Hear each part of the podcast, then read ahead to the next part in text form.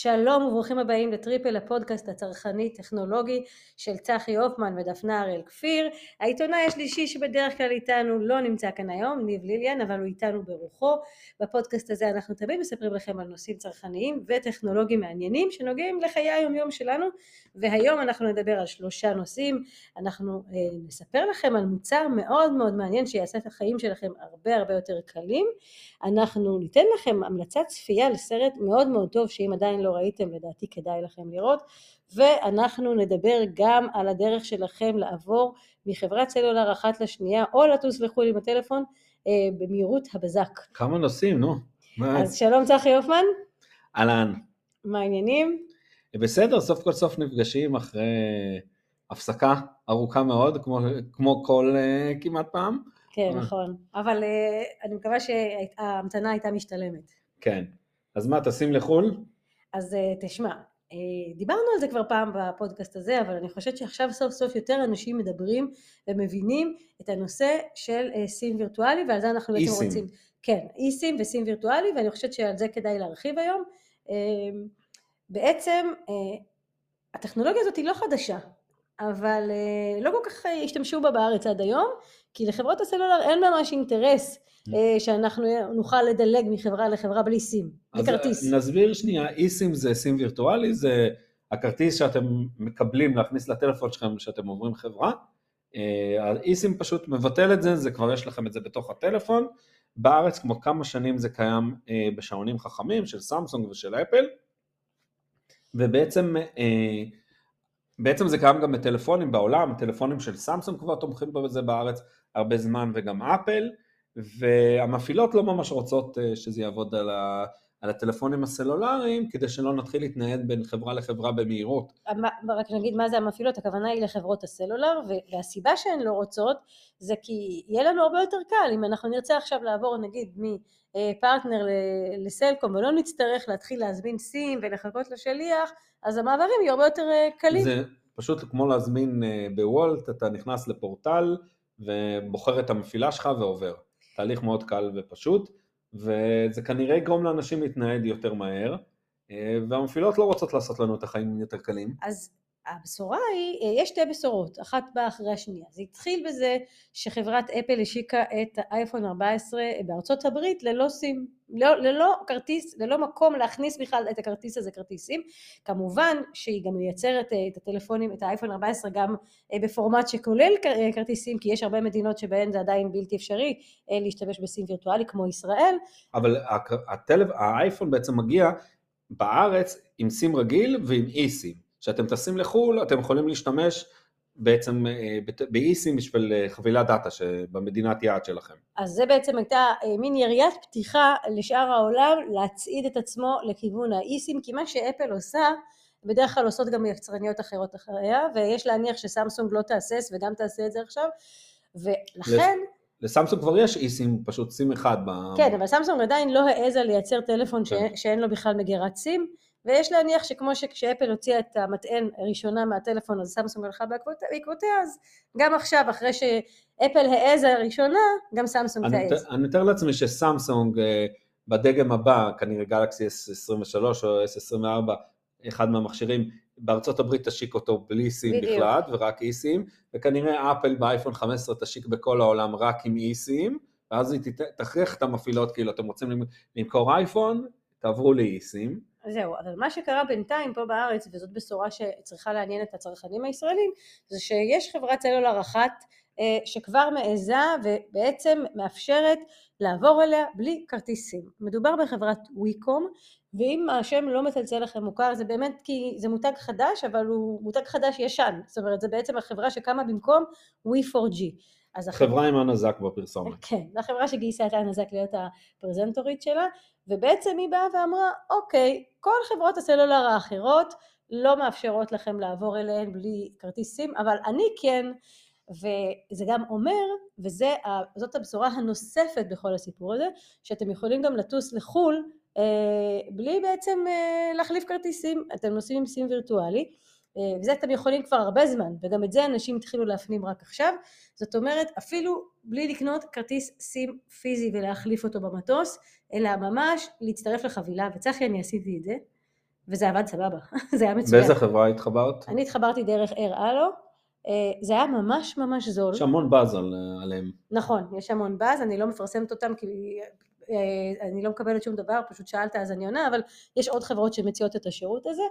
פשוט לי יש אייפון, אייפון 13 פרו, זה תומך באיסים, לפני שטסתי לפורטוגל לא מזמן, שאר המשפחה נסעה עם כרטיסי סים פיזיים בינלאומיים ואני פשוט הצטרפתי לחבילה כזאת וזה היה פשוט תענוג זה מצריך מאנשים לעבור איזשהו חסם פסיכולוגי כי הרבה אנשים קצת טכנופובים וזה נורא מלחיץ אותם להתחיל לשחק בהגדרות של הטלפון. ו... אבל חושב בגלל שאנשים טכנופובים הם לא שיחקו עם סים רגיל בכלל כמו שאנחנו נכון. מחליפים כל הזמן אז uh, המוכר בחנות יעשה להם את זה ומבחינתם זה יהיה שקוף.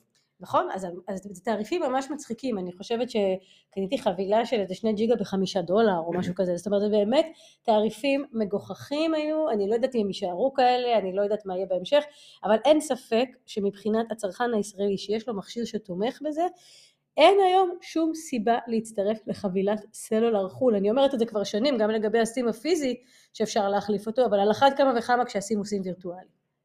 נכון, זה כנראה גם מה שמפחיד מאוד את המפעילות הסלולריות, שנתחיל להרגיל את ה... שמשתמשים בעצם יתרגלו להשתמש באיסים. עכשיו אנחנו גם יכולים לתת לכם עוד טיפ לגבי הרעיון של סים, מה, מה עוד היתרון של סים וירטואלי, זה בעצם שאתם יכולים להתקין כמה סימים, אתם בעצם יכולים להיות אפילו לקוחות של כמה חברות במקביל, אם נגיד אתם רוצים להצטרף לחבילה של סלקום ושל אה, וויקום, ושתיהן יציעו לכם אפשרות לסים, אתם יכולים בעצם להתקין גם שני סימים וגם יותר, אה, זה יכול להיות נוח לאנשים שמשתמשים בטלפון גם כמכשיר עבודה, יש כל מיני סימים. זה שני קווים, כמו שיש היום טלפונים שאתה יכול לקנות, אה, של סמסונג, של שיון, הרבה מכשירים נמכרים עם שני סימים רגילים. נכון, אז פה באמת זה מגדיל את האפשרויות שלך אה, לשחק בתוך המכשיר. זה חוסך את הבלגן הזה של, ה... של בעצם הסים פיזי, כנראה זה גם יגרום לאנשים אולי קצת יותר להשתמש בשעונים חכמים עם איסים, כי כבר הם התרגלו לטכנולוגיה, אולי הם יפעילו באותו קו כבר איסים נכון. בשעון. אז כן, אז אנחנו מדברים פה עכשיו על דברים שהם נשמעים חדשים, יכול להיות שבעוד חצי שנה, שנה, כולם יגידו, מה, ברור, איסים, אבל uh, בינתיים אנחנו מקווים ש... כמו התשלומים עם הטלפון, שזה נהיה כבר, כולם התרגלו לשלם עם הטלפון הסלולרי. נכון. ואנחנו ישבנו כאן בטריפל וניסינו להסביר, כן, ניסינו להסביר למה זה צריך כבר לקרות. הנה, היום זה נראה מוזר כבר להוציא, נראה לי, כרטיס אשראי. נכון.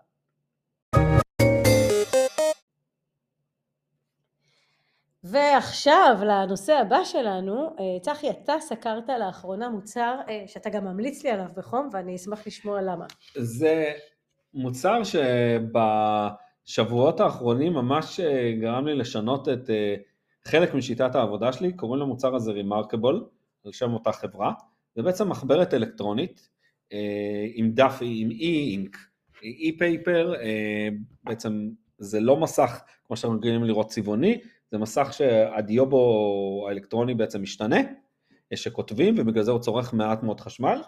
אה, מדובר במחברת אה, סוג של A4 נראה לי, לא, יותר קטן. קצת יותר קטנה, כן. כן. קצת יותר קטנה מ-A4, שאתה יכול לקחת עם עט מיוחדת שצריך לרכוש, אתה יכול לכתוב את כל הסיכומים שלך, כמו שרגילים לעשות באייפד ובמוצרים אחרים, אה, אבל כאן קודם כל הכתיבה מאוד מרגישה כמו, כמו עיפרון, אה, מאוד איכותי. אני אגיד יותר מזה צחי, כי נתת לי לנסות, אני חושבת שזה ממש מזכיר כתיבה בעט פיילוט, ובעיניי, כאילו עט פיילוט זה עט נורא נוח לכתוב בו, יותר נוח אפילו מעיפרון. אני מוצא את עצמי כל הזמן משרבט על זה בזמן פגישות, סתם... אה, כן, פשוט נוח לכתוב בזה כמו, כמו שפעם היינו כותבים עם דף ועד, זאת אומרת זה לא כמו אה, שלוקחים היום עט מגע רגיל ומשתמשים בו אפילו על המסכים הרגילים המתקדמים, אוקיי? לא... ומה שנחמד שבצד השני של העט זה בעצם מחק, אז כשאתה עובר זה מוחק את ה...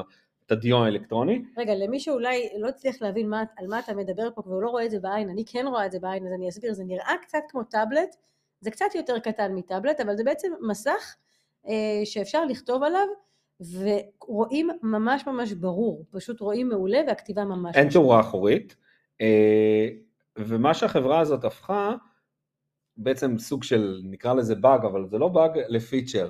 אה, במחברת הזאת יש וי-פיי רק לסחרון של הרשימות שכותבים, המחברות עם השירות ענן שלהם, או שתוכל להתחבר לזה למחשב או בטלפון, אבל אין לך וואטסאפ, אין לך אימיילים, אין שום דבר. אתה יושב ומסכם פגישות ואין לך שום התראה, שזה אחת הבעיות שלי שאני מסכם בלפטופ ובאייפד, שאני מתגרה לפתוח אימיילים והודעות שנכנסות. אז, אז, אז בעצם מה שאתה אומר, שאת העובדה שאין לזה קישוריות כמעט בכלל, היא הפכה מחיסרון ליתרון, כי שום דבר לא מסיח את דעתך. אתה יושב בפגישה, והדבר היחיד שאתה עושה זה לכתוב את ה notes שלך. נכון, ובלפטופ או כל מחשב אחר, מתחילים לקפוץ התראות וכל כן. מיני פושים ואתה מאוד מתגרה להתעסק בהם.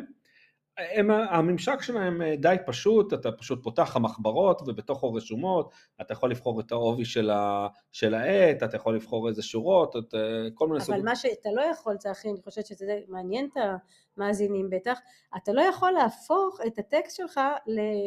לאותיות מודפסות, כמו שיש לך נגיד... בעברית אי אפשר, לדעתי באנגלית אפשר, כמעט בטוח. כי נגיד, זה, זה אנשים למשל אהבו את הנוט בזמנו של סמסונג, ואחר כך עכשיו זה גם את הגלקסי S22 אולטרה, שבעצם אתה, יש לך עט מגע ואתה כותב בכתב יד, וזה מתרגם את זה לאותיות. אני בטוח שהם, תראי, החברה התחילה למכור את המוצר הזה לישראל רק אה, ממש לאחרונה, לשלוח. אין פה בעצם אה, יבוא רשמי, החברה שולחת את זה מחו"ל, זה יוצא באזור ה-2,000 שקל עם כיסוי ועט.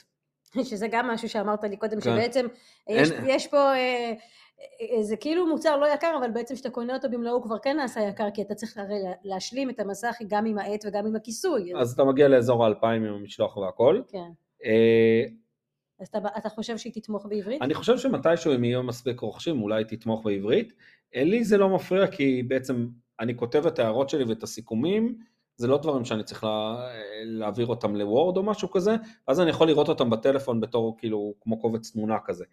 אה, וגם הם עשו פה עוד אה, איזה פיצ'ר נחמד, שאתה יכול דרך, ה... עוד לא ניסיתי אותו, אבל אתה יכול דרך המחשב בזמן פגישה, כאילו לשדר את המסך לשיחת זום או משהו, ואז לשרבט על, ה... על הלוח ושהמשתתפים של, הפ... של הפגישה יראו את זה. אה, זה ממש מעולה. כן.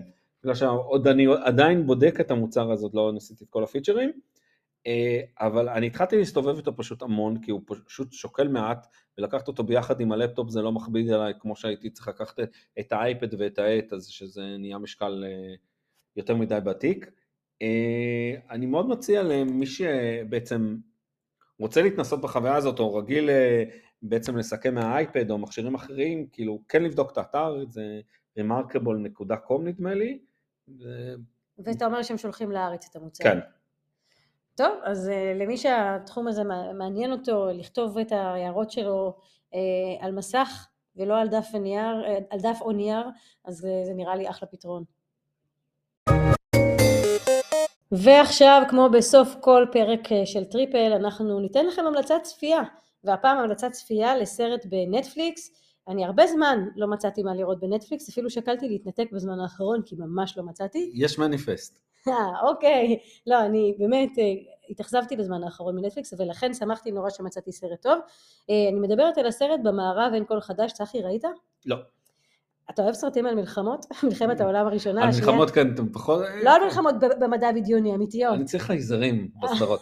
אז זהו, אני בדיוק שונאת את הסרטי מדע בדיוני, ואני נורא אוהבת סרטים אמיתיים, דרמות, ו... אז הסרט הזה, במערב אין כל חדש, שהוא גם מבוסס על ספר מאוד מאוד מצליח, הוא ספ, ספ, סרט שמספר על חייל גרמני במלחמת העולם הראשונה, והוא בעצם מלווה אותו לאורך המלחמה עם כל ה... עוד מלפני זה, כשהוא מסיים את הלימודים, ו- ומאותו רגע כשהוא מתגייס לצבא וכן הלאה, והוא פשוט מרתק ב... הוא בעצם משדר לך את תחושת ההחמצה והריקנות שבעצם יש במלחמה, ושכל כך הרבה אנשים מיליוני אנשים נהרגים פשוט לשווא, ואיך גם מנסים להחדיר בהם את, את רוח הלחימה, ומצליחים, והם באמת ששים אלי קרב בהתחלה, ו, ו, ולאט לאט הם מבינים מה בעצם המשמעות של המלחמה הזאת, ואני ממש ממליצה, אה, אני ממליצה לכל מי שבכלל אוהב סרטים איכותיים, אבל בפרט מי שאוהב את הז'אנר הזה של סרטי מלחמה, לא להחמיץ את זה. הוא קצת יכול להזכיר אה, את אה, טוראי ריין וכאילו כאלה, או את 1917, סרטים בסגנון הזה. הצילומים מאוד מאוד טובים, ואתה ממש נכנס לאווירה, ואתה מסיים את הסרט בתחושה של עצב גדול, זאת אומרת, ואתה גם יודע הרי שאחרי המלחמה הזאת הגיעה גם מלחמת העולם השנייה, זאת אומרת שזה לא שם קץ לזוועות. אז אה, אני מאוד ממליצה לסרט הזה. סרט ארוך? הוא סרט די ארוך, אבל אה, לא יודעת, לי הזמן עבר מהר. אבל שוב, זה לא פנטזיה ומדע בדיוני צריך. אז זה קרוב, בנטפליקס זה קרוב למקום מגירוכם. בדיוק.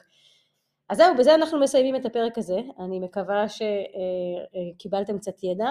אנחנו, לפני שנסיים, נמליץ לכם להאזין גם לפרקים קודמים שלנו, שבהם יש לנו כל מיני מדריכי קנייה מעניינים, אה, וגם הסברים מעניינים על כל מיני תחומים, למשל על אה, אה, איך תוכלו לפתור את בעיית האחסון במחשב שלכם או בטלפון שלכם, וכל מיני דברים כמו מדריכי קנייה על טלוויזיות וכולי, וגם נספר לכם על האתר שלי ועל האתר של צחי, אז צחי תתחיל אתה. The Gadget Reviews, אתר טכנולוגיה עם הרבה סקירות על הרבה גאדג'טים. אוזניות, לפטופים, אה, שעונים חכמים, וגם חדשות טכנולוגיה שאתם יכולים להתעדכן. ואתם יכולים כמובן לעקוב אחרי צחי גם בכל הרשתות החברתיות, יש לו אחלה טיק טוק, יש לו אינסטגרם, נכון צחי? גם לך, גם לך, את אה, נכון. ממש משפיענית רשת. ממש משפיענית רשת, עקבו אחריי גם בפואנטה, פואנטה.co.il, שם אני אה, מסקרת את כל חדשות הצרכנות, לא רק טכנולוגיה, גם הרבה תיירות ובריאות, משפחה, פיננסים, בנקאות, וגם באמת בטיק טוק ובאינסטגרם. אה, ובפייסבוק, אתם מוזמנים לעקוב אחרי כל הפלטפורמות שלנו, תעקבו גם אחרי ניב ליליאן, אה, הוא יש לו אה, אתר משלו, הוא לא כאן היום, החיבור. אבל כן, אבל כדאי שתדעו גם עליו, אתר החיבור, זה לינק, וזהו, אנחנו מזמינים אתכם להאזין לנו גם בפרקים הבאים ולעקוב אחרינו כאן לקראת הפרק הבא.